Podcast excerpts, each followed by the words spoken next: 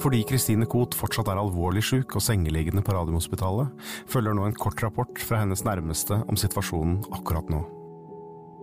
Dette er Koht vil leve, og jeg heter Joakim Førsund. Nå er det snart et halvt år siden Kristine Koht ble alvorlig kreftsyk. Legen hennes har stoppet behandlingen med immunterapi fordi Kristine plutselig fikk livstruende bivirkninger, og ingen veit når eller om denne behandlingen kan gjenopptas. Jeg har ikke snakka med Kristine på flere uker, men jeg holder kontakten med hennes nærmeste, og med legen hennes på Radiumhospitalet, Anna Winge Main. Ja, hei, Anna. Hei, det er Joakim Førsund som ringer. Hei. Du, eh, Anna, hvordan går det med Kristine? Du, Kristine hun eh, er gjennom en ganske tøff periode nå. For hun har vært veldig lenge på sykehus, mange uker, hvor hun har trengt eh, behandling for sin eh, leverbetennelse.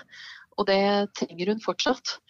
Men jeg er veldig imponert over hvordan Kristine tar dette her og står i det. For hun gjør virkelig det og klarer å finne de små gledene hver dag og tenke litt fremover.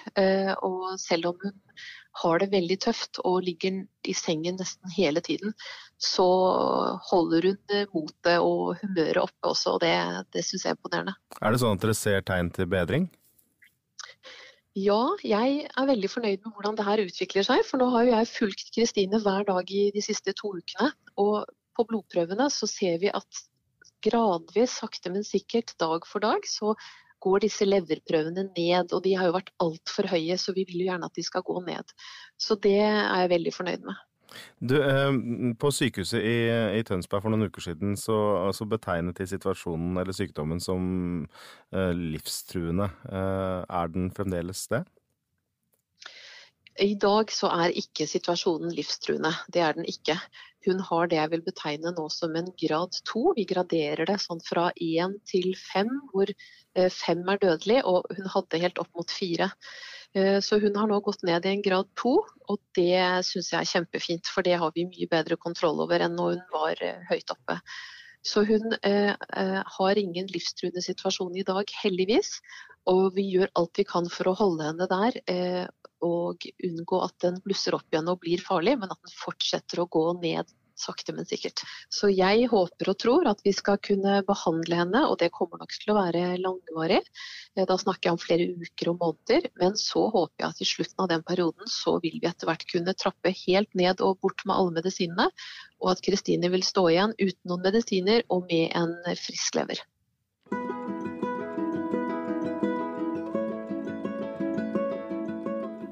For tida er det bare Kristines nærmeste familie som besøker henne. Dette er moren Kirsten Koht. Hallo, det er Joakim. Hei, Joakim. Hvordan går det med Kristine? Du, øh, jeg skal til henne nå etterpå. Øh, hun er alvorlig alvorlig syk med leverbetennelse. Hun får store doser kortison, altså store doser. Eh, som gjør at hun er ikke helt klar. Hun sier litt rare ting innimellom, men det har jeg liksom etter hvert vennet meg litt til. Og så er hun jo ikke Hun klarer jo ikke å gå selv. Kristine hun ligger jo bastet og bundet veldig mye til sengen og har også fått noen sånne liggesår på bena. Eh, og hun er veldig svimmel. Og hun er jo Kortison gjør jo at du blir litt trill rundt. Ja. Eh, så hun er stor. Men det som er som er liksom litt beroligende for mamma, det er at hun har det ikke vondt. Hun ligger ikke og vrir seg i smerte. Eh, så det, her er det nok store doser av ulike medisiner.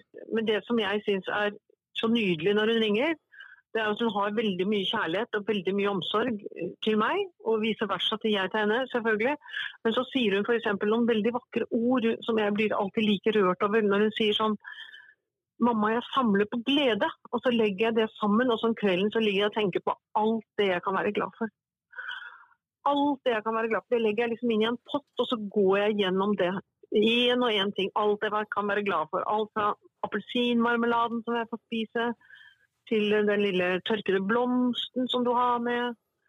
Eh, jeg prøver liksom å skape noe og gjøre noe for henne som hun kan være opptatt av, eller noe jeg kan fortelle henne som er noe annet. Og da klarer hun i veldig små mengder.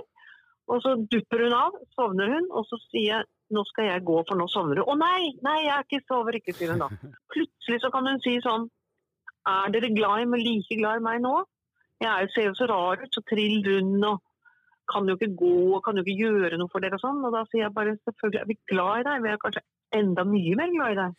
Jeg, jeg får jo hundrevis av anmodninger om å hilse til henne, så du får bare bringe dem videre og hilse fra meg også. Ja, men du, Det skal jeg love å gjøre. Og så er det egentlig litt godt at vi får sagt at det er Vi ser litt optimistisk på det. For i det siste så har jeg liksom fått mange henvendelser hvor jeg merker at folk tenker sånn Er hun i ferd med å dø, liksom? Og det tenker ikke du? Det, nei, jeg gjør ikke det nå. Jeg var nok inni der for en par uker siden, men jeg gjør ikke det nå. Det nei, veldig, jeg gjør ikke det. det er veldig godt å høre.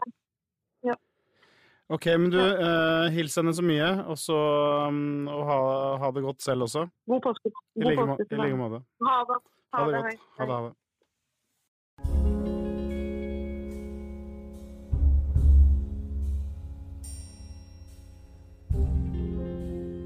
Det var rapporten fra Kristines rom i 7. etasje på Radiumhospitalet nå når vi snart går inn i påsken. Hun er sengeliggende med en alvorlig leverbetennelse, hun får kraftige doser med kortison, men det er tegn til bedring. Det kan også bety at vi snart får treffe henne igjen, om et par uker kanskje, men jeg vet ikke. I mai skal Kristines svulster undersøkes på nytt, og da får vi et bilde av hvordan det går med den alvorligste sykdommen, nemlig kreften. I mai fyller også Kristine 52 år, og la oss krysse fingrene for at hun får feiret dagen sånn som hun hadde planlagt i mammas hage i Asker. Dette er podkasten Kot vil leve. Jeg heter Joakim Førsund. Du hører snart fra meg igjen.